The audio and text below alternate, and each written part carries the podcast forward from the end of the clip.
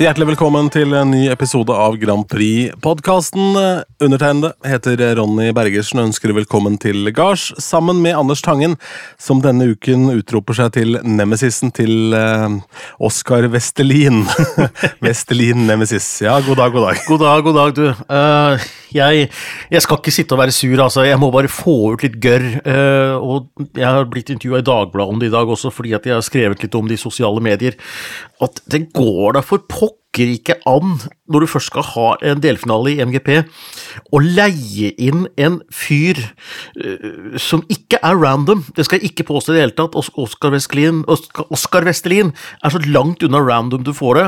Så jeg skjønner jo tanken at her skal du få inn uh, kidsa, han skal legge ut ting på TikTok om MGP osv. Så, videre, og så, så det er ikke noe gærent med det i og for seg, men du må da vel for pokker forberede deg bitte lite grann på hvor du er, hva du holder på med, hvem som har stått på scenen, hvem som skal stå på scenen. Eh, Det, er altså seks setninger som du kan prøve å pugge eller eventuelt skrive på en liten lapp. Eh, bare som et tips til denne her Oskar Vestelin, mister Mr. Sjokoladebolle. Eh, det er helt kult. Han var veldig kul på Forræder. eh, og jeg har ikke noe imot fyren, sånn sett. Eh, han kledde av for hår. Han fikk jo barbert seg på en sånn der Rikets roast-greie. Så det er greit. Fin dress. Men vær så snill, forbered deg, da. Altså, det, det, det, det, Sånn. Ferdig. Ja, han blir også veldig naken ved siden av Kristine Kristine Danke, som har veldig kompetanse på det hun snakker om. Uh, og klart, det taler jo ikke helt til hans eh, fordel. Men jeg forstår jo hvorfor han er der, i og for seg, men uh, Det gjør jeg jo, faktisk. Samtidig ikke. Ja. Sam, samtidig ikke, for han tilførte vel ikke all verden annet enn å være seg selv. Men han har jo et vanvittig publikum, Oskar. Sånn, Ja, ja. Helt uten at jeg forstår han, Og bare det ved å fly rundt og surre og være seg selv, det er litt imponerende, egentlig. Det er imponerende, og så er det et morsomt fun fact at han har jo en låt som heter eh, En til, som var med i dette TV 2-programmet hvor du skulle lage sånne hits. Kjendiser skulle lage hits. Og de har jo samme låtskriverne som Queen of Kings med Alessandra i MGP i fjor. Og det morsomme der, det er jo at eh, de låtskriverne har jo sagt at Queen of Kings er basert på den hiten med Oscar Vestelin. Så hvis de hadde presentert han litt som det, så hadde det vært eh, i hvert fall litt fun fact, da. Som kunne ha legitimert at han var der. Eh, Så at, dette er egentlig mannen bak Queen of Kings. Ja, nettopp, ja. ja. Det er jammen bra det ikke er han som spiller på Rockefeller nå. Ok? Nei, jeg tenker at Alessandra kommer istedenfor han. Å, ja, sånn. ja. Ja, ja, ja. Jeg tror også hans fans hadde blitt veldig skuffa hvis Alessandra dukka opp der. på en måte. Eh, Sånn, ja. Kanskje, eh, men de er jo begge litt sånn sterke på sosiale medier. Jeg, jeg må bare si at jeg har egentlig ikke noe imot Oskar Vestelin. Altså, Jeg syns han var morsom og en kul fyr, og eh, egentlig syns jeg det. Men um, Forbered Apropos morsom og kul fyr. Hæ? Ja. Apropos morsom og kul Ja. fyr som er forberedt, da skal vi, skal vi ta Geir Prest sitt svar. Ja, har vi fått svar, ja? Fra Geir Prest. Ja, og han tar utfordringen og skal prøve. Eh, Og Blir dette det handler ikke bare om teologi. Nei, her, men her er det flere ting vi er svake på, Anders, og det har han helt rett i. Fordi han sier 'jeg svarer basert på både biologi og teologi'. Ok. Begynner med biologien. Forkjølelse er et virus som er en mikroorganisme. Om det er en levende organisme, ser jeg at vitenskapen strides om. Selv syns jeg at et virus er unødvendig. Men Grand Prix er et godt botemiddel fordi det skaper glede og entusiasme, og Grand Prix er smittsomt på en god måte, skriver Geir. Og så den teologiske utfordringen. Ehm, Det skyldes da syndefallet. Mennesket som selv vil være som Gud, eh, og det funker dårlig. For bare Gud er best til å være Gud. Det tror jeg Geir Prest har helt rett i. Eh, Han har også gitt oss evnen til å glede oss over musikk, som i Melodi Grand Prix, og gitt oss gleden over en podkast tidlig en tirsdags morgen. Mygg og veps eh, tilhører ang... eh, Nei, hva står det her? Artsmangfoldet, ja. Eh, og det store kretsløpet bier gir oss honning som hjelper mot forkjølelse, sammen med varm melk. Myggen er et insekt, og vi kan begge glede oss over at fuglene spiser eh, insekter, inkludert mygg. Alt tilhører Guds store skaperverk, eh, som også evnen til å skrive musikk gjør. Eh, et langt svar, dette, men eh, hva dere egentlig hadde ventet dere når dere gir ordet til en prest, vet ikke jeg. Eh, og veit du hva jeg tror vi sier, Geir? Du har helt rett i dette. Og hadde vi hatt som misjonen med Antonsen og Golden T-skjorter som vi sendte ut til lytterne våre, så hadde du fått ukens T-skjorte. Ja, men Det kan vi vel kanskje få til. Jeg har bare lyst til å påpeke én liten logisk svikt i svaret til Geir Prest, hvis jeg får lov. Fordi utgangspunktet var at vi mente at forkjølelse og virus hva skal vi med det? Altså Det er jo egentlig bare til irritasjon, og, og hva, hva, er liksom poenget? Det gir han en slags svar på. Og så blir det en runddans her, for hva skal vi med veps og bier? Jo, bier gir oss honning som hjelp mot forkjølelse. Men hvis forkjølelse ikke hadde finnes i utgangspunktet, så hadde vi ikke hatt behov for bier og honning. Nå er det jo mange som liker honning, da. Ja, det er noe så, er det noe med bier og blomster, og det er noe der òg. Altså hoppa han hoppa elegant over vepsen, skal sies. Ja, det- Og rett på insektet der. ja. Så ja, Det er litt som henger her, men sånn skal det være. Og du skal gå ut av kirkerommet, føler jeg, med litt sånn her, og tenke litt hm, Hva var det egentlig jeg hørte akkurat? Ja, nei, men Eh, så, Heia Geir Prest, altså. lagt på noe Lagt på noe sakral musikk i bakgrunnen, kanskje, når jeg leste den meldinga. Men jeg har ikke brillene mine på, heller, så det ble vel kanskje litt sånn stokkete. Men uansett, eh, det skal sies han svarte umiddelbart. Eh, Meldinga kom da eh, 0904, da den dagen podden kom ut, så han var veldig på her. eh, Og tok sin, eh, tok sin jobb på alvor. Så tusen takk, eh, Geir. Eh, Du trenger ikke å svare noe videre på dette. Vi trenger ikke å lage en spalte ut av hvor Geir svarer på alt du lurer på, Anders, for da blir vi aldri ferdig. Da blir det en helt ny podkast. Ja. ja. Ja, I så fall så får du begynne å sende fakturaer til Tangen. Tenker jeg. Som på si der. Eh, ja, eh, nå er det i gang. Eh, skal vi ta litt sånn overhengende aller først? Jeg elsket introen jeg, eh, til eh, Jeg syns den var så jævlig kul, den introen. Ja. Eh, og artig at de hadde valgt denne låta fra Var det Kypros? Hellas? Fuego. Ja, det var det vel. Jeg husker faktisk ikke det i farta. Jeg bare la merke til at det var en kul Grand Prix-låt som Ja. ga en fin inngang til det hele, og, og de legitimerte veldig Fredrik Solvang, og jeg syns det var genistrek med han i debatten som egentlig er Grand Prix-fan, og, og dette litt sånn symbolsk med at han kom ut bokstavelig talt og gikk inn, inn og ut av skap og alt mulig rart. Det, det, det var veldig gøy, altså. Uh, og av med slips og Nei, og, og bare det der studioet de brukte til introene også, det der bitte lille, kule studio, veldig god grafikk, altså. Ja, veldig stilig. Og ja, eh, det var det neste jeg skulle si. Jeg syns det så dritbra ut. Ja. Ja. Kjempestilig. Um, jeg veit ikke hvordan opplevelsen er for de som sitter i det studio som du skal sitte i, studio 2 uh, der. For det er klart, um, det blir noe helt annet å få den opplevelsen av den lysriggen og det showet og Ja, det var jo til og med pyro. Du kjenner ikke den varmen inne i det studio Nei, jeg, på samme måte. men jeg skal Ehm, ikke sitte der engang. Jeg skal eh, jo sitte i green room. Så jeg skal ikke sitte der det er skjer engang. Du burde sitte i skammekroken, egentlig, du, men det får vi se på. Ja, men jeg skal sitte der, jeg skal sitte, jeg skal sitte der demonstrantene er. Ja, og sånn det var, ja. ja. Det bruker vi ikke så mye tid på. Nei da, det gjør de. Så jeg skal sitte i nærheten Ja. der, da. Det skal du, ja. Det er det du skal. Men nei, jeg digga den introen. Jeg syns det var veldig kult. Hva er det du skal? Jeg skal hoppe ut en sånn T-skjorte hvor det står Grand Prix-podkasten på, vel. Ja, det skal vel du. Er du og Geir? Vi får trykka opp i en fei her. Ja, Kan få en Grand Prix-podkastens kjortel. Ja. Det tror jeg koster mer enn det smaker. Hva tror du det koster å trykke opp én kjortel med Grand Prix-podkasten? Det er ikke gratis. Nei, Jeg får nesten lyst til å sjekke ut, men jeg tror prestekjoler er dyrt. Og visstnok så er det sånn at prestene du, det, Nå legger vi opp til et svar fra Geir Prest igjen. Men altså, jeg, jeg tror at jeg har hørt at sånne prestekjoler betaler presten selv, og de er ganske dyre. Det er litt sånn bunadsaktig. Men du har den vel for livet, da, kanskje. Ja, Du kan få svare på det, Geir, for jeg er veldig nysgjerrig på hva en prestekjortel koster. Er du det? Ehm, ja, faktisk, for det er jo sånn kunnskap Tenk deg å sitte i et, eh, i et juleselskap, og så bare drar du det opp av Tenk deg, Jeg får meg en ny kjæreste på et tidspunkt, og så er jeg med første gang med hennes familie og skal spise noe middag, og sånn, og så, og så veit du hva en prestekjortel koster! Ja, men prøv det som et samtaletema. Det, det er jo utafor boksen. Ja, det liker jeg. Det liker jeg veldig godt, å kunne dra sånt opp av hatten. Det er fint. Um, nei, utover det, så um, gikk det vel eh, som vi regna litt med sånn låtmessig. Hva, hva, tenker du om fremføringer og sånn her, da? Eh, la oss ta denne overraskelsen til Godt-minister først, da, som ble varsla. Det var at det kom et album. Mm. Og det var vel egentlig stort sett det, men det er jo, det er jo kult, det er for fansen der, da. Men uh, for generelle Grand Prix-fans ble det kanskje litt hypa. Nei, altså Det som var kult med Godsminister, er mye. Eh, for det første så er han en veldig sånn voksen mann i rommet, som uttalte seg på Dagsrevyen eh, om den demonstrasjonen på utsiden og sånt, på en sånn klok og, og fornuftig måte.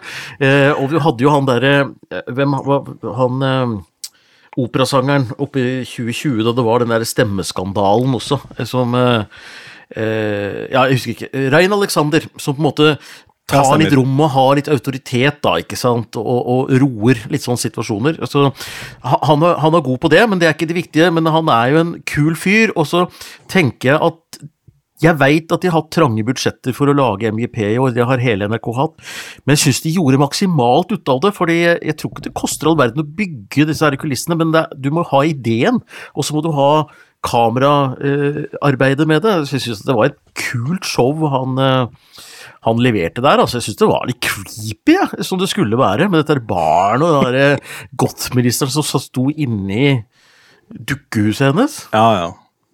Jeg elska det. Det er dritstilig. Så det er jo Det er sånn typisk greie. En sånn uh, Hva skal vi kalle det for noe? En sånn um, centerpiece. Da I gamle dager på diskotek så hadde de én sånn stor lyseffekt midt i rommet, som ofte så helt jævlig ut, men som i hvert fall da tok hele Litt som diskokule. Midt i rommet, en svær diskokule. Så har de en sånn centerpiece som tar masse oppmerksomhet, som får garantert oppmerksomhet hvis det skulle bli sendt ut i Europa også. Mm. Og som det garantert snakkes om i internasjonale forum og sånn, for det var en veldig kreativ og kul måte å gjøre ja. det på. Og dette med kameraføring så har jo det var vel Stig som nevnte, eller var det Vivi som sa det at det, NRKs folk er jo noen av de beste? Mm. Det er ofte at ikke du får det samme, samme svung i Europa, fordi de klarer ikke å henge med nei, nei. på det som de, og det er gøy, de ønsker å lage. Nei, jeg syns Godsminister var veldig tøff, og, og, jeg skjønte at han kom til å gå videre når jeg så showet. Det var vel kanskje det mest sånn helstøpte showet gjennom hele showet, egentlig. Altså hele MGP delfinale 1. Ellers så var det ikke noe overraskelse heller at uh, Ingrid Jasmin gikk videre. Det var jo en sånn men, men, det som bare slo meg da jeg så det, var at når jeg så nummeret live, så var det akkurat som at jeg tenkte at det ble så tydelig at dette har jeg sett og hørt så mange ganger før. Eh, selv om det var bra, så blei det faktisk litt sånn uoriginalt. Selv om det var litt pompel og pilt i starten der, hvor hun dukka opp og Er du pompel, pompel, pilt? Hoppa liksom opp og ned den der var, Apropos skummelt, Apropos skummelt, ja. men nei, jeg syns også det var litt tynt, eh, showet. Men det blir jo spennende å se hva det blir på en stor scene, da, fordi eh, eh Godt minister har vel egentlig gått for Ja, godt, ja for uh, storversjonen allerede fra første stund, uh, tror jeg. Ja. At det bare blir eh, rampa opp litt, det som vi så nå uh, i Trondheim Spektrum. Mens jeg tror vel både Margaret og Ingrid Jasmin vil gjøre større ting da i Trondheim Spektrum enn hva vi så her. Ja, det kan nok være på et eller annet vis, men Margaret Berger skal ikke gjøre veldig mye mer heller, egentlig, altså fordi det var så stilrent og det var så eh, på mange måter veldig tøft, og det tyder at de hadde gjort et valg på, da, og de gjorde litt av det samme grepet som You My Love, fordi hun, hun er litt sånn uh, rolig og kontrollert i starten, og så begynner hun å danse mot slutten og smiler, og det er da, liksom, det er da hun jobber, da. Og da er liksom låta i gang, mm. og skapte en slags dynamikk bare ved å være der. Eh, men det var et bevisst valg, for det koster ikke så mye å ha røyk på scenen, men eh, jeg savna litt røyk av og til i bildet, for det var veldig klare bilder denne gangen. Det var veldig sånn studiobilder. Fikk litt sånn uh, TV-aksjonen-følelse. At det var veldig sånne klare, crispy dagtidsbilder. Så jeg savna litt sånn lys og litt sånn lek med mørke og litt laser, og at det, det er en kveldsstemning, da. For nå var det litt sånn Jeg venta bare på at noen skulle sitte og ha en auksjon på bakrommet der, og et inntekt for pyro i MGP. Ja, det blir jo når du er på green room, det skal du ta de telefonene. Ja, ja, ja riktig. Ja.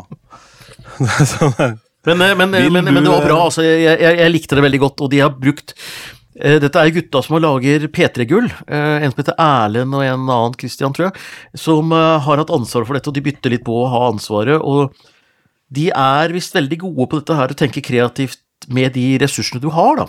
Så, og det har de fått til, syns jeg er veldig, veldig bra. Helt enig. Helt enig. Så du på, eller har du sett i ettertid? Eh, nei, jeg har sett i ettertid, og jeg skal være ærlig og si at jeg har ikke sett det hele heller. Jeg har skumma gjennom ja.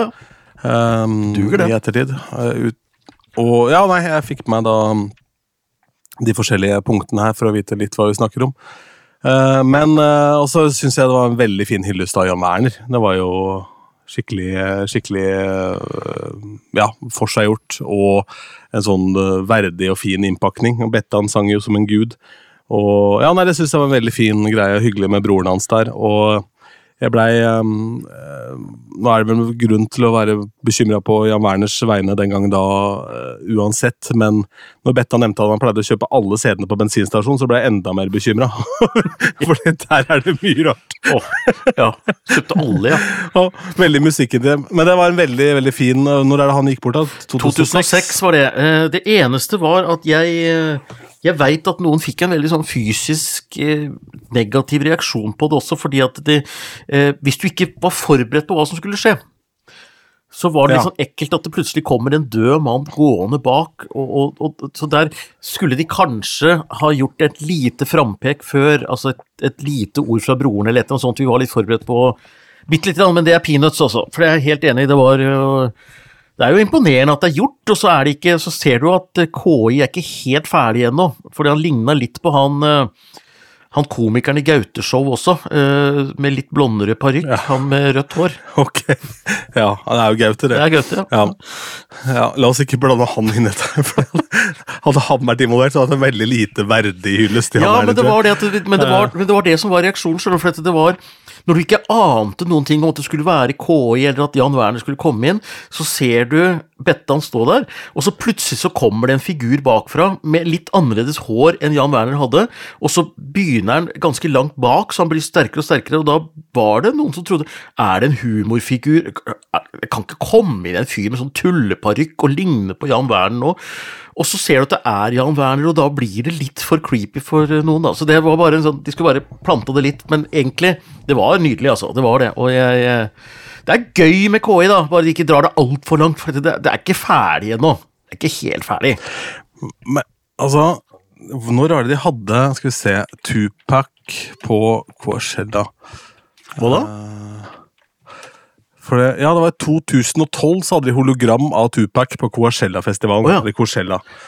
Eh, det var så tidlig som i 2012, da, så det er jo Det går jo unna i svingene der, men klart her hadde de gått for en sånn KI-variant på, på skjerm, da, men det var jo veldig, eh, veldig stilig, og eh, det er faktisk litt artig, fordi eh, akkurat duett det er den første Melodi Grand Prix Så kan jeg si at jeg husker alle finalene jeg har sett opp igjennom, men det er den første finalen jeg kan huske at jeg så.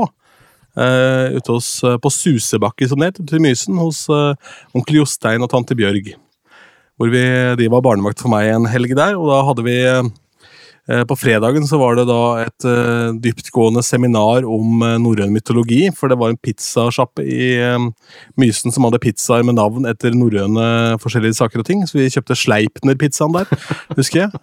Og da var det om å gjøre å lese sammen med onkel Jostein, som var banksjef i Askim Sparebank på den tida, var om å lese leksikon og lære seg da alt du kunne om, eh, om norrøn mytologi. Og så på lørdagen så var det da Melodi Grand Prix, husker jeg da. Satt og så på det der ute.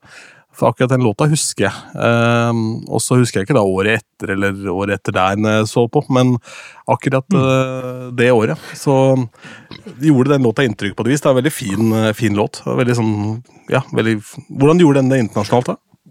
Jeg husker ikke nøyaktig, men det var topp ti i hvert fall, med god margin. Ja, Så det kan vi bare google. Ja. Eller så sånne Grand Prix-minner. Første gangen jeg overnatta hos en kamerat uten noen foreldre hjemme, det var i 1980, husker jeg. Johnny Logan vant med What's Another Year. Og det jeg husker, var Ja. hva vi spiste. Og det var sånn derre slags forenklet barneutgave av spagetti bolognese. Det var liksom bare kjøttdeig og tomatpuré oppå spagetti. Og det var så godt, da! Jeg husker det ennå. Satt og så på Johnny Logan på kvelden. Mm. Sjetteplass endte den på Sjette, ja. A25. Mm. Nei, også det var koselig, det. Det var forresten Eurovision jeg så på den, tenker man. ikke Melodi Grand Prix. Ja, ja, i Dublin. Ja, nettopp. Ja, ja. Stemmer. Uh, ja, skal vi se. Skal vi da gå videre til uh, det som skal skje nå til helgen? Ja, det syns jeg. Og uh, da har vi, ja. Nå til helgen. Det er litt sånn der jeg minner meg om uh, Flåklypa Grand Prix. Nå til helgen stiller sykkelreparatør Reodor Felgen. Ja. Vi får håpe at det er gjennom Ja. seere. Det var jo ikke så veldig bra seertall. Det var jo 595 000, men det var et fall på 95 000 fra i fjor, og det tenker jeg er ikke så hakkande gærent altså, allikevel, fordi i fjor hadde du alt styr med Alessandra og strømminger og alt dette her, og Uh, Ulrikke Men- i samme delfinale. I år konkurrerte du mot Mari, Mari Boine og en landskamp i håndball, så jeg, jeg syns ikke det er noe katastrofe, og de endte jo godt over millionen på finalen til slutt i fjor også, så det kan gå bra, men vi får nå se. Ja, ja, men eh, det er jo klart den håndballkampen i tillegg til hver gang vi møtes, der er jo ikke, det er ikke noe småtteri. Og, og så har de også fått jævlig bra terningkast for hver gang vi møtes uh, nå, og det tror jeg betyr en god del for akkurat det programmet. Ja. Um, at du får de fine versjonene, og så Nå er vel kanskje Mari Boine har jo en sånn uh, Hva skal vi si En sånn mytisk appell Mm. på det norske folk der. Så det er vanskelig å ikke tune inn når hun eh, skal tolkes. Og det var forresten Så- en fantastisk hver gang vi møtes-kveld. Eh, Det var bare bra låter. Det var altså så glimrende. Eh, elska f.eks. særlig eh, Emilie Hollow sammen med Ella Marie. Eh, helt utrolig. Men Ja. vi skal ikke snakke så mye om det, men det var eh, sterk konkurranse, så jeg har ikke panikk, har ikke panikk på Ja. seertallene, i hvert fall. Nei. Nei, jeg tror ikke det. Også klart Den håndballkampen der, det er jo snakk om EM der. Ja. Så um, selv om det Det virker som håndball, EM og VM kommer hele tiden. Jeg har inntrykk av at det er, det er alltid det. Det er alltid EM, VM. Ja. Jeg veit. Det er hele tida.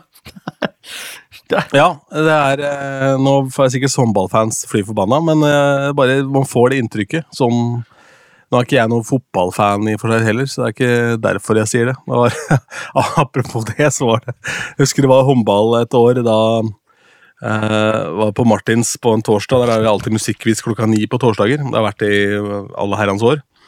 Og da var det håndballkamp, og da var det sånn avstemming da, på om man skulle eh, skulle vente med quizen til kampen var ferdig, eller om man skulle skru ned lyden på kampen og, og eh, kjøre quiz. da. Ja. Og så vant jo da håndballkampen den quizen, og da er det en fyr som skriker Men i helvete! Det er jo en time med hens! Er veldig bra. Jeg husker vi skulle gjøre standup på Børsen på, i Drammen òg.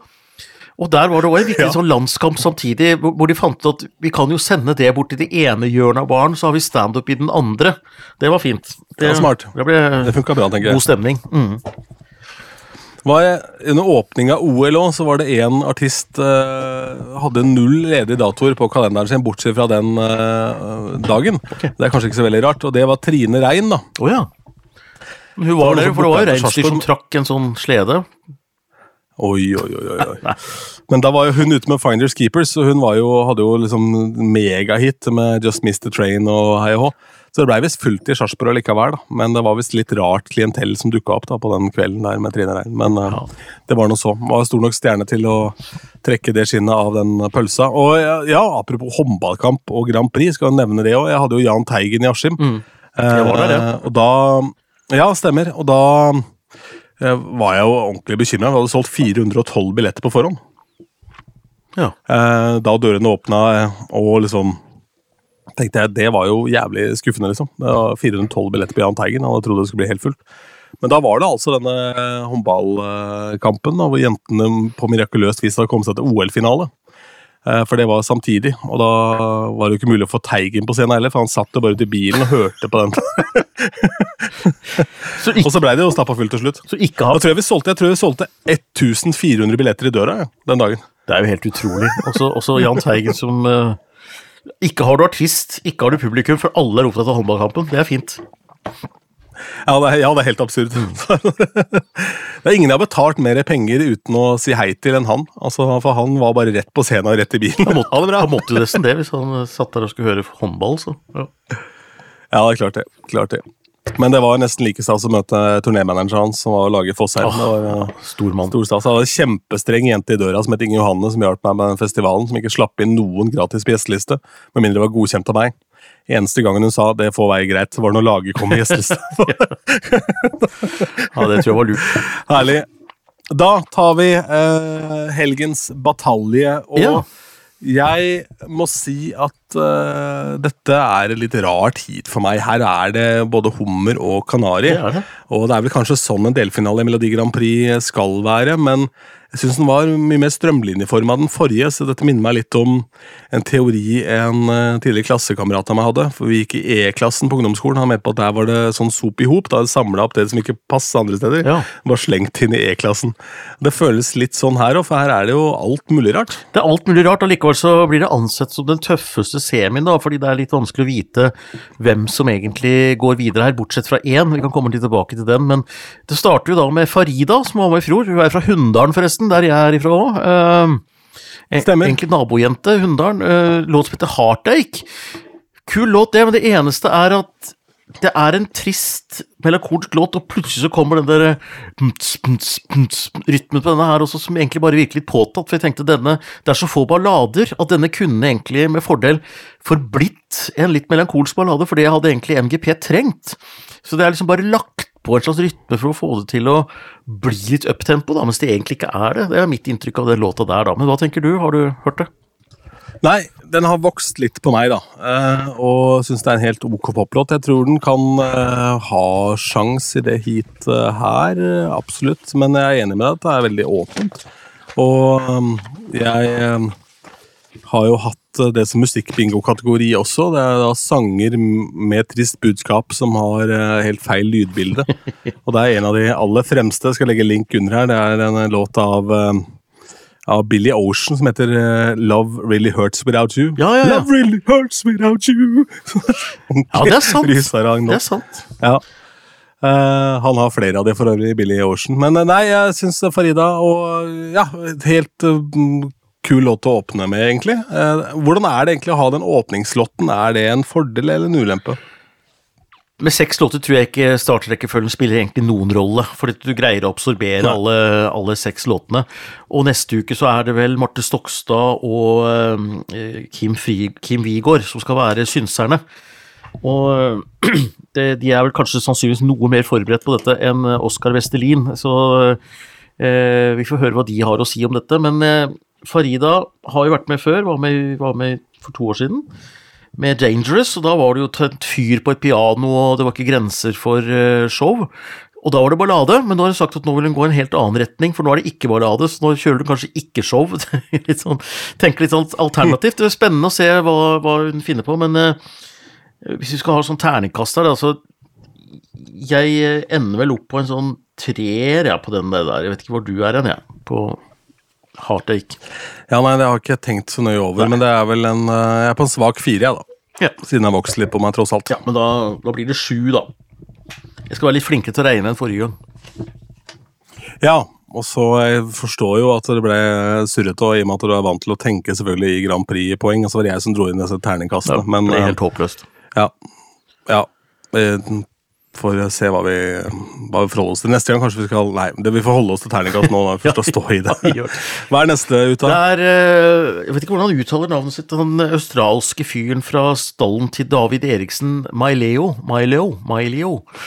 Ja, Mileo. Mileo. Uh, ja, Mileo. Mileo. Ja. You're mine. Og det, Det, det er en låt som har gjort det bra hos bookingagenter og sånn? Jo, den, eh, Spådd.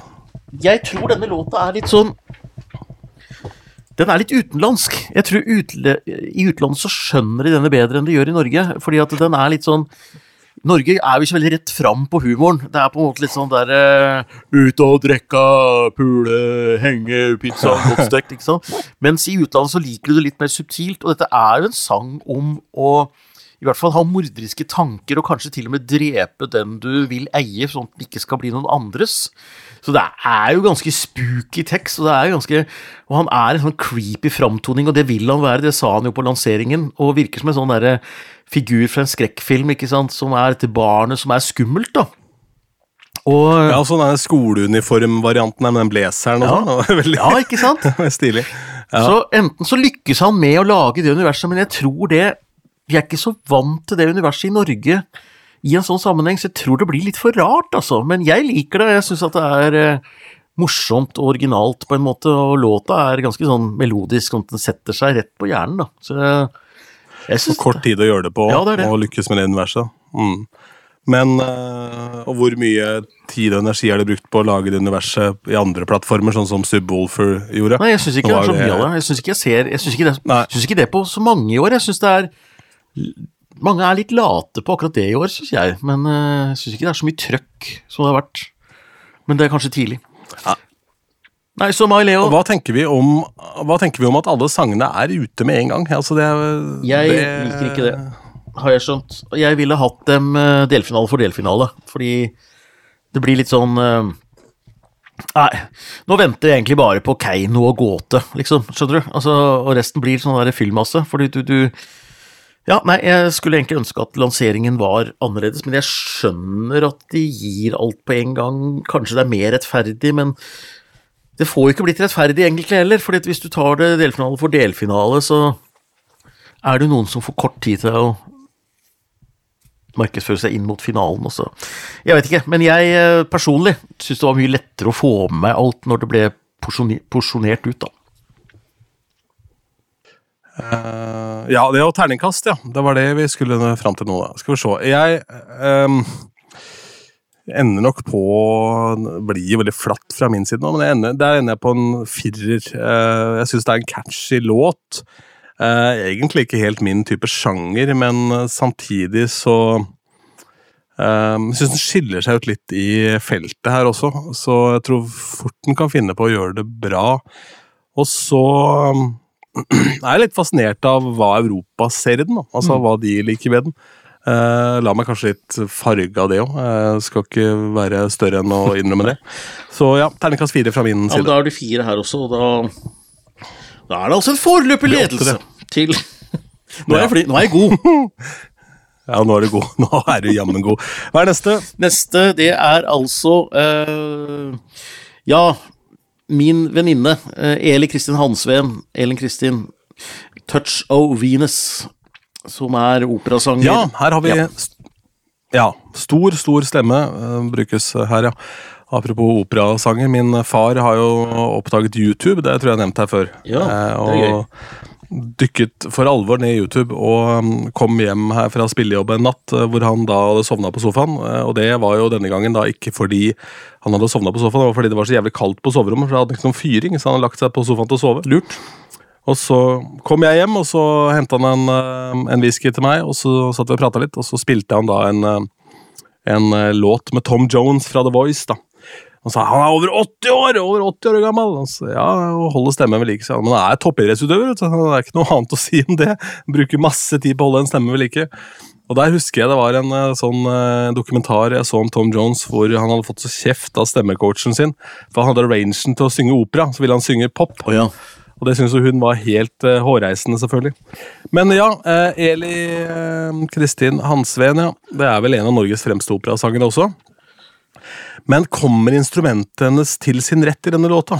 Nei, det er ikke For å si det rett ut, jeg kjenner henne, jeg har stått på scenen med Ellen Kristin. Eh, Jeg var nærradiomann på Gjøvik, mens eh, mannen hennes, han, han er dessverre død nå, som hun var gift med Odd Erik Hagen, som var kultursjef. Så jeg kjenner henne, så, og jeg vet, vi vet hva dette betyr for henne. Hun har lengtet etter å være med i MGP, så det er litt sånn Men jeg syns hun ikke treffer helt med låta her, altså, fordi at eh, de sier at det er en James Bond-låt, og jeg hører at det er et forsøk på en James Bond-låt, men da har du lagt lista så høyt allerede at den blir litt sånn rotete, og plutselig så blir det opera her. Så jeg skulle bare ønske at de egentlig hadde bare valgt enten denne her eh, store, volumiøse balladen, eller en operalåt, jeg da. Fordi at uh, nå syns jeg det ble verken fugl eller fisk, for å være helt, helt, helt ærlig. Så dette her eh, skal ikke se bort fra at det kan bli veldig bra live. Jeg husker jo eh, Australia for noen år siden som jeg ikke skjønte noen ting av, og så plutselig kom hun flyvende som en heks opp på scenen med sånn eh, låt som het Zero Gravity, hvor hun også sto på sånn Flyvende på hva, sa du? Flyvende på hva, sa du? Hun var en heks så, som Ja, Ja, var på sopeliv? Ja, for hun sto på en sånn kjempehøy stav. Drithøy!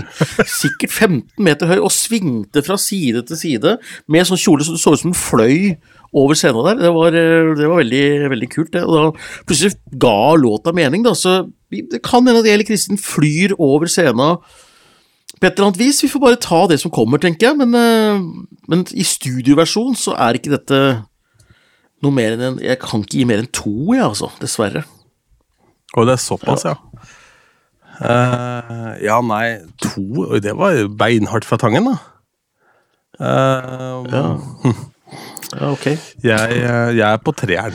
Ja. ja, men det er greit, Ron. Da, da har den altså fått nok- fem poeng og tre poeng bak eh, Ja.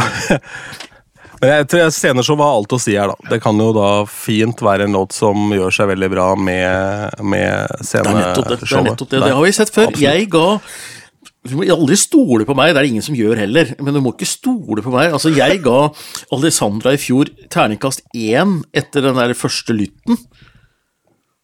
Og, og så så jeg henne live, og da plutselig rykka hun opp til en sånn Nå kan Norge vinne. Så alt kan skje. Ja, ja, ja. ja. Sånn er det. Eh, men hva føler du om å da gi en støkk til selvtilliten til Eli Kristin nå, før, med tanke på at det er venninna di? Ja? Jeg tror ikke hun hører på podkasten. Nei, men får det vel med seg. Det er jo nok folk som hører på dette her.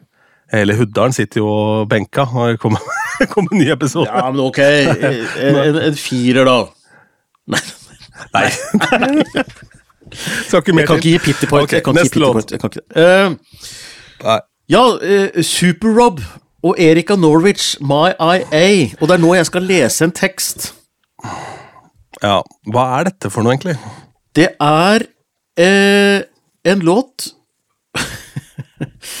Altså, skal vi si da Vet du hva, Jeg tror jeg skal lese teksten først. Jeg skal bare ta på meg en Jeg skal gjøre det litt ordentlig, så jeg tar på meg en hatt. Sånn.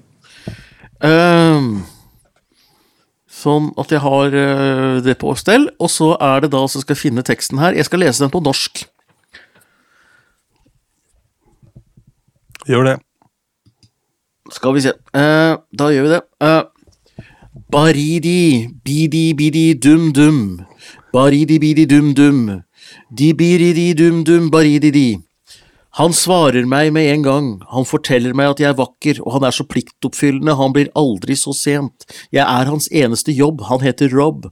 Ting i hverdagen, du kan alltid telle meg med, jeg kan alltid stole på deg, Rob, jeg er din AI-AI-O, jeg er din AI-AI-O, jeg er din AI-AI-O, jeg er din superhelt AI-O, superhelten min, Rob, min superheltrobot, bari-dibi-dum-dum, bari-di-bi-dum, superhelten min, Robo, min superheltrobot, bari-dim-dum-dum, du vil kanskje… Du er min. Han gir meg sommerfugler, jeg er hans eneste, jeg er aldri ensom, jeg har aldri følt det slik, jeg kjenner i hjertet mitt og hver kroppsdel. Bildet mitt er alltid perfekt, og jeg er sterk som en maskin, jeg kan til og med få stemmen min til å høres ut som en jente som heter Kristin. Ting i hverdagen, du kan alltid telle med meg, jeg kan alltid stole på deg, Rob, jeg er din AI-IO, jeg er din AI-IO, jeg er din AI-IO, jeg er din superhelt AI-IO, superhelten min, Rob, min superhelt dibidari-dibidum, superhelten min, Rob, min superhelt-robot bari-dibidum-dum. Rob, hvorfor er jeg så stygg? Du er ikke stygg, du er smart, talentfull og har evner til å gjøre verden bedre. Å, Rob, jeg vil virkelig møte deg personlig. Jeg er din AI, AI, AI. Jeg er din AI, AI, AI-O. Jeg er din A- superhelt AI-O. Rob, min superheltrobot, bari-dibi-dum-dum, bari-dibi-dum. Superhelten min, Rob, min superheltrobot, bari-dibi-dum-dum, bari-dibi-dum. Superhelten min, Rob, min superheltrobot, bari-dibi-dum-dum, bari-dibi-dum. Superhelten min, Rob, min superheltrobot, bari-dibi-dum-dum, bari-dibi-dum. Superhelten min, Rob. Sånn. Ja. Ellers er det bra. Så det er det dette er. Nei, men det er jo Jeg har sett noen sånne utenlandske reaksjonsvideoer på dette her, og noen sa en liksom klok refleksjon rundt og sa at selvfølgelig skal Norge kunne sende dette, fordi at dette er også nordisk musikk.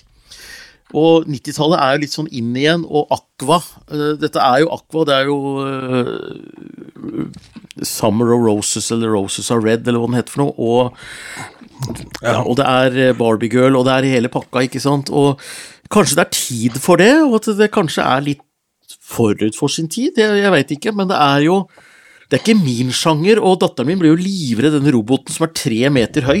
Så jeg synes han er skummel. Han er egentlig bare søt, men hun syns han er skummel. Um, ja, jeg vet ikke helt hva jeg skal si. Ja. Det bare stopper litt sånn opp her eh, hos meg når, ehm, når det blir så mye dubbi-dubb-dab-dam. For det har jeg ikke hørt siden 90-tallet. Men uh, nå er jo 90-tallet til en viss grad inn igjen, da, som du nevnte. Uh, men uh, hm. Jeg har lyst til å trekke fram den derre memen som eh, ramser opp antall låtskrivere på Justin Biebers Baby, og så er det antall låtskrivere på Bohemian Rhapsody etterpå som er én mann. da. Her er det, det fire-fem pers som har vært involvert i å skrive den låta her. Eh, men eh, Dette er jo typisk sånn Ja, det er typisk så- MGP-låtskriver-camp-låt, da. Det er jo det. blir den så rar at den går videre, da, tro? Jeg tror denne helt klart går videre. Uh, Ja. fordi unga kommer til å elske det. De kommer til å elske roboten, og det er et sånt et refreng som fester seg veldig lett. Og du skal ikke se bort fra at det treffer en nerve, altså. Så dette kan bli skummelt. Ryker jo på en plagiat så det holder der, for det er jo en transformer, rett og slett, den roboten. Så klart, hvis det går ut i Europa, så kan den bli stoppa av de som lager Transformers. Du skal ikke se bort ifra det. Ja, det det er mye som kan skje her med denne låta her. Og, og jeg har sett også sånn en del har kommentert at Norge er jo trash-landet i Eurovision. Og jeg kjente at jeg ble så fornærma. Og de sa det ikke for å være slemme, eller sånt, de bare sa at det, det var som en sånn kjensgjerning. Det er vi som sender ulver og englevinger og, øh, og selvfølgelig og, de sa det er typisk Norge å sende denne her. Og øh, kjør på hvis de vil være dette her kitsch og camp-landet, så og så sier de, Norge skal ha respekt for å være det, men jeg vil ikke at vi skal være det, da. skjønner du, ikke sant? Så det er litt sånn her, øh, Jeg blir litt sånn fornærma. Så jeg, hvis det er inntrykket av Norge, så syns jeg det er litt stusslig. Ja, Det kan jeg for så vidt være enig i. Men det blir spennende å se hvilket univers de lager rundt dette. da, For det er jo eh, Nå må jeg ærlig innrømme at jeg så ikke eh, Jeg sleit med å finne den lanseringa. Ja, den er vanskelig tilgjengelig. Så jeg så eh, Nei, men jeg sleit med å finne den hos NRK eh, da når vi skulle gjøre den poden. Eh, så søkte jeg opp da den, men så fant jeg den hos Dagbladet, og så så jeg de, eh, lanseringen av de forrige artistene. Fikk jeg med meg, men jeg fikk ikke med meg da denne varianten her. Men hvor elegant og kul ser den roboten da? Er den ordentlig forseglet? Han er veldig søt. Men det morsomme er eh, Erika har lagt ut en video på TikTok som jeg syns er veldig kul. Som er ganske genuin. Jeg tror den er helt ekte. Det er hennes første møte med roboten, og hun blir redd. Fordi hun sier at eh, han er jo så jævla svær. Ingen som har sagt at han skal være så svær. Han er jo tre meter høy, det beistet der. Så hun ble rett og slett litt grann redd. Og det var veldig, det var veldig søtt. Ja, han er en klo Ja, der har vi roboten, ja, ja. han er en klumpete robot med, med sånne dørslag som du heller spagetti av på, så, foran, og så har han noe, eh, har noe sånn trillebårhjul bak, og noen kjempedigre føtter. Så han er jo bare søt. Ja, Det er nydelig, og jeg får for guds skyld håpe at det går videre. For det er jo nitrist hvis ikke det går videre. Men jeg har lagt ned så mye arbeid i å lage robot. Med, Gaute liksom. Ja, mm. Ja, ja, er det offentlig? Nei, men jeg tror, det, jeg tror det er han, altså. Jeg vet ikke. Og jeg orker ikke en sånn gjettekonkurranse til. Jeg orker ikke det. Så det er jo Gaute som er inne der, så det er jo greit.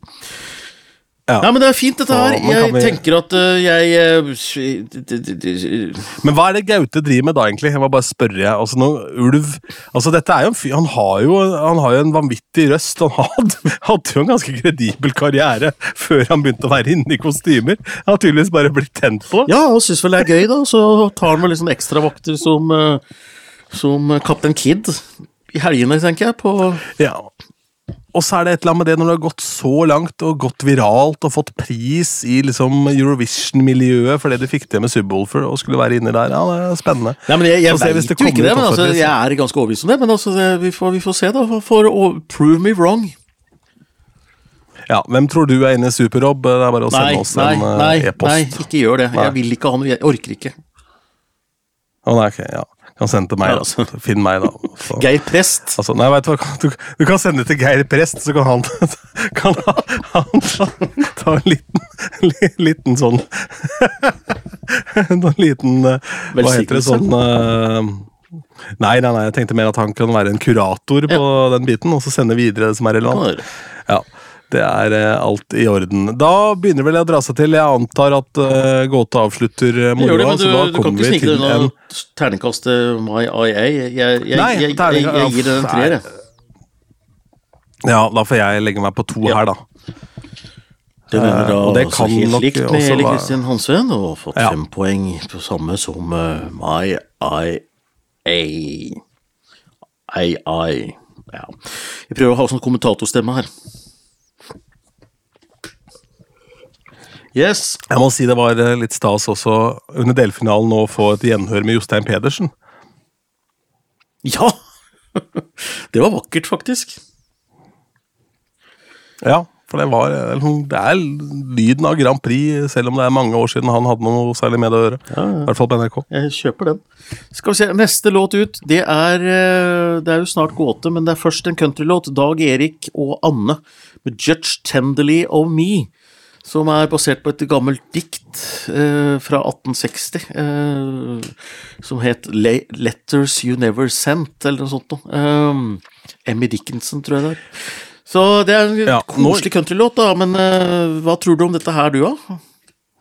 Ja, nå gikk jo ikke den balladen sist videre, eh, som vi snakka om, da. Og da kan jo kanskje dette her bli en skille blant svisker, da. For eh, den, dette er jo litt sånn når man programmerer radio og sånn, så vil man jo ofte ha inn sanger som ikke støter noen. Det har jo gjerne vært litt av, eh, litt av nøkkelen da, på sånn kommersiell radio opp igjennom.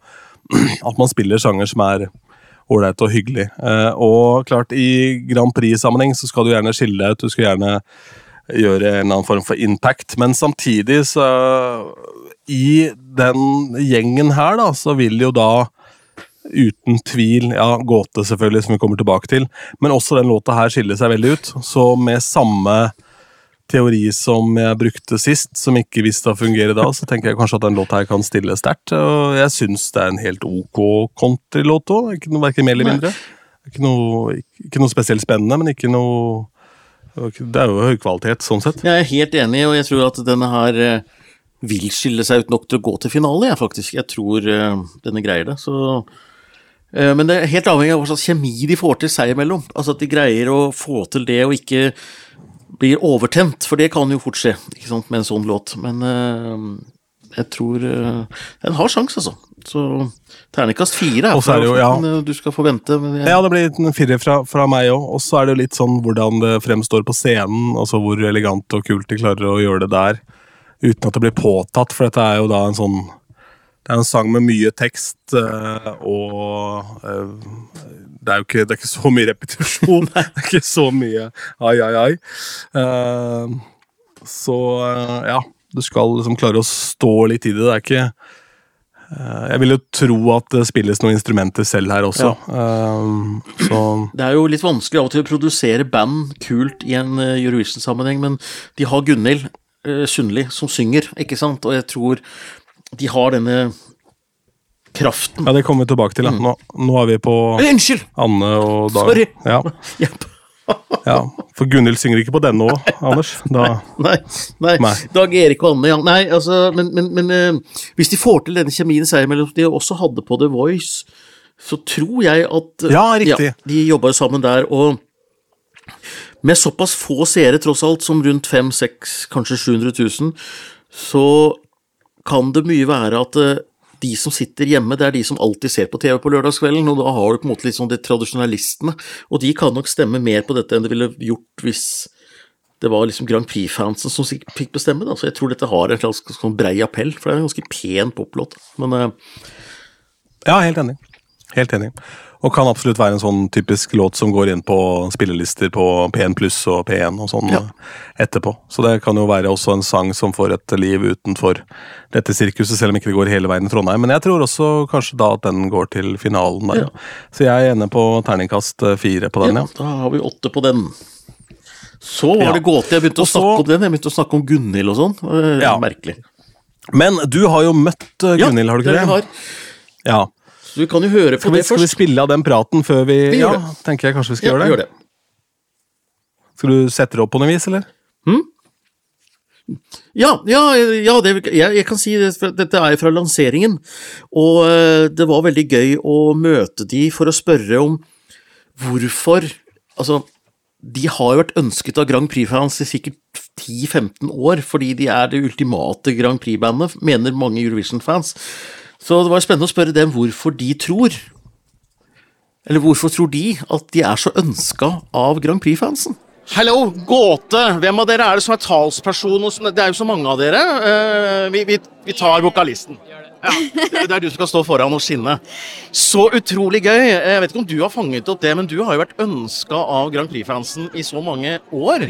Så endelig så er du her. Har du snappa opp at du er ønsket? Nei, egentlig ikke. Nei, nei, ikke sånn ordentlig. Men uh, har du ønsket MGP, da, for å spørre på en annen måte?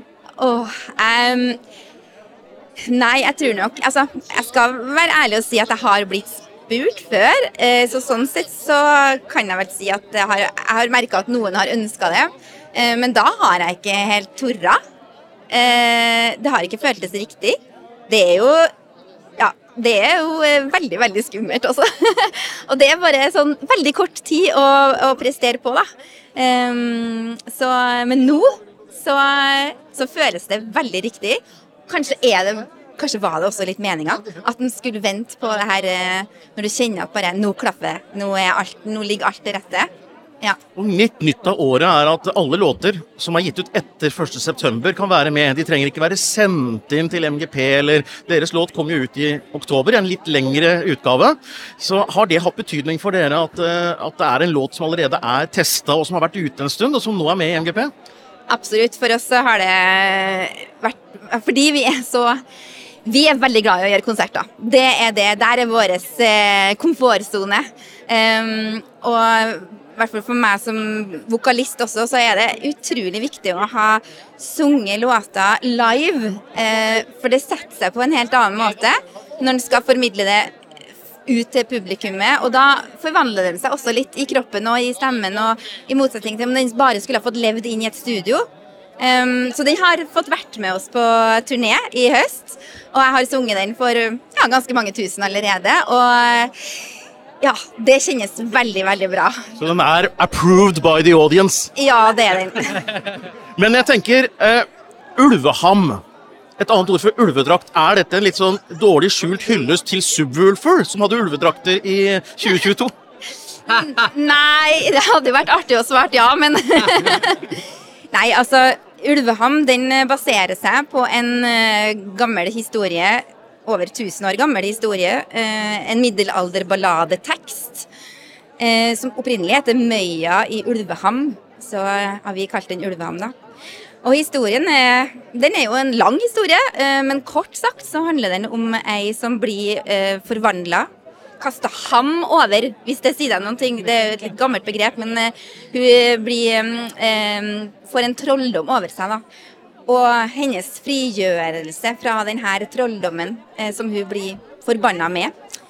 Eh, og så er det en lokk i refrenget, eh, som også er en, en, gammel, gammel lokk, og en gammel sangtradisjon i, som også er ganske, ja, ikke så godt bevart i Norge.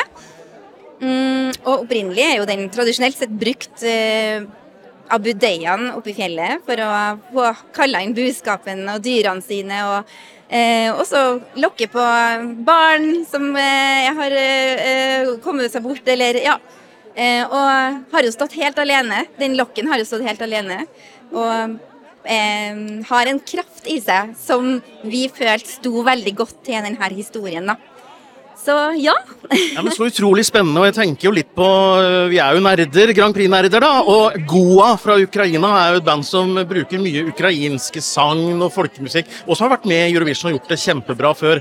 Så det jo, Dere går jo inn i en tradisjon i Eurovision å dra dette fram og rett og slett drive en slags kulturformidling og kanskje en kulturbevaring også, tenker jeg. Så det er jo veldig, veldig kult. Hvorfor tror du at så mange fans har ønsket nettopp dere, og kan jeg fortelle, har dere litt som sånn favoritt? At vi må jo sende dem. Vi var på sånn forhåndslytting og hørte på låtene, og der var jo alle de unge var, Vi må jo bare sende gåte. Det var liksom 20-åringene som sa det. Det er veldig kult. Så hvorfor tror du at Grand Prix-fansen spesielt ønsker dere? Mm, det er jo litt vanskelig å svare på, det, for da blir jeg litt sånn Jeg vil jo være litt ydmyk òg. Eh. Som søker jobb og lager en CV, liksom. Hvorfor velge deg? Men jeg, jeg er jo eh, jeg er veldig stolt av å være vokalist i Gåte, og jeg føler at vi representerer noe som er noe helt eget. Um, vi um, har et moderne uttrykk, men du får likevel en følelse av å bli dratt inn i uh, en annen verden av eventyr og sagn og fantasi. Og sånn sett så åpner det også opp for så mye uh, hva skal jeg si, egen fantasi til den som lytter, da. Og, om, om du ikke oppfatter hele historien som ligger bak i denne egentlig veldig veldig lange teksten, som er en middel, middelalderballade, og middelalderballader har jo gjerne 80 vers, og så skal vi ned på tre minutter igjen. Men? Men likevel så ligger, ligger følelsen, kjernen av historien, det er fra en annen tid, det Ja. Så jeg jeg tror at vi har noe eget som treffer veldig mange, da. Det tror jeg, og, og fra hjerte til hjerte så blir dette veldig, veldig bra. Du. Tusen takk for at du ville prate med oss. Jo, veldig koselig. Og jeg skal ikke si lykke til, tror jeg, men ble ikke legg.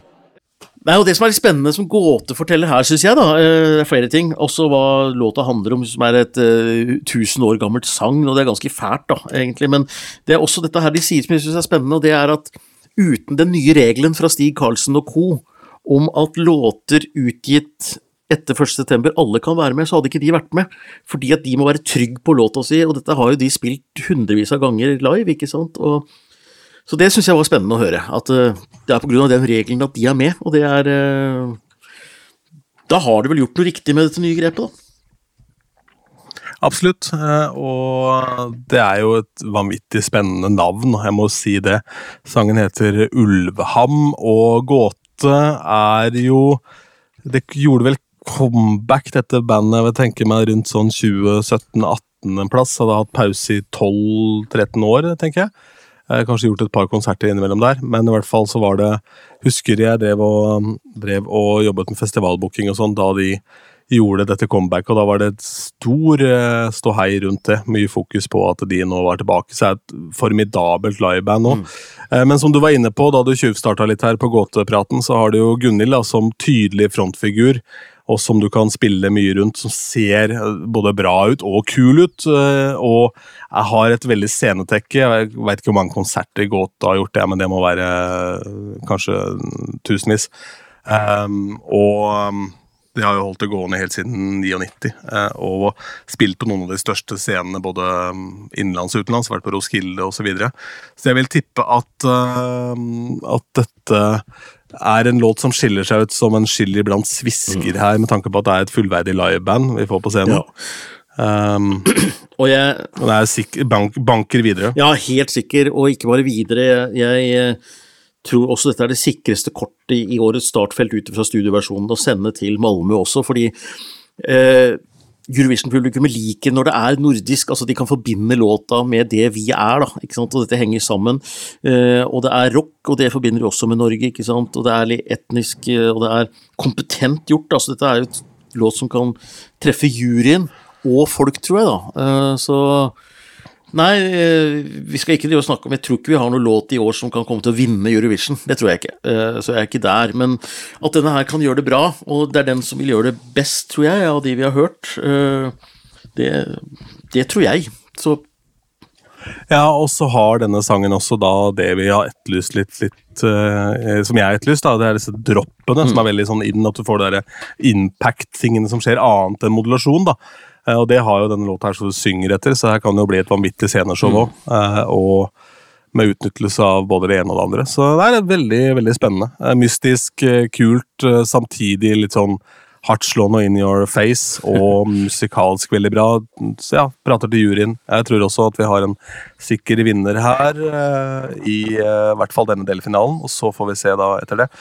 Jeg er inne på terningkast fem. Ja, jeg kliner til med sekseren der, jeg. Så rett og slett må bruke den av og til også. Så da blir det en elleve, da. Så Ja, så Bergersen. Ja, det er ganske ja.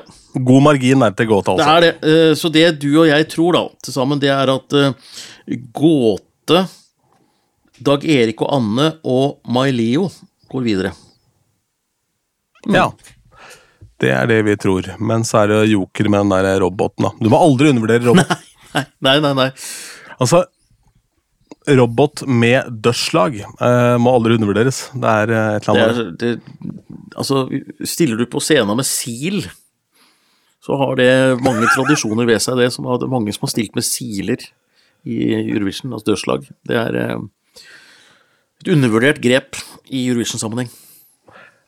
Ja, mange som har helt tynn suppe oppi dørslaget òg, skal sies eh, opp igjennom. Men det er noe så Det er vel eh, omtrent det vi har på hjertet for eh, denne gang. Det blir jo langere disse episodene når vi skal oppsummere litt eh, Ja. forrige uke og ta en eh, runde på det som skjer. Og i tillegg når du har pratet med artister også, så er det klart at da blir det jo et og annet på hjertet. Men uh, du har hørt Grand Prix-podkasten. Før vi legger på røret helt her, så har jeg en viktig beskjed.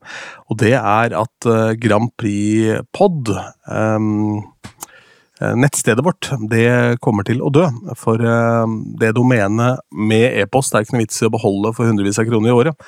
Så jeg kommer til å opprette en ny e-postadresse, og den blir grandpripod at gmail.com. Um, så det kommer jeg til å legge ut der hvor um, forskjellige ting uh, kan leses, i hvert fall under her, i, uh, i um, i uh, shownotes, som det heter. Eh, for jeg tenker at det spiller ingen rolle hvilken adresse man har. Man må jo ikke ha dette nettstedet, det har vi ikke brukt det noe likevel. Så Grand Prix Pod, nettstedet vårt, det utgår. Nå blir det da grandprixpod at gmail.com. Og det vil være operativt uh, fra og med omtrent da den låta her. Eller da den poden her er uh, ute, så det til info.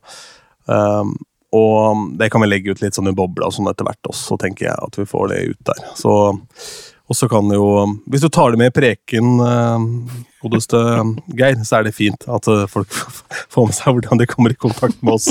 Det er veldig bra. Uh, så har du noe på hjertet, grandprixpod at gmail.com er vår e-postadresse. Takk for eh, nå.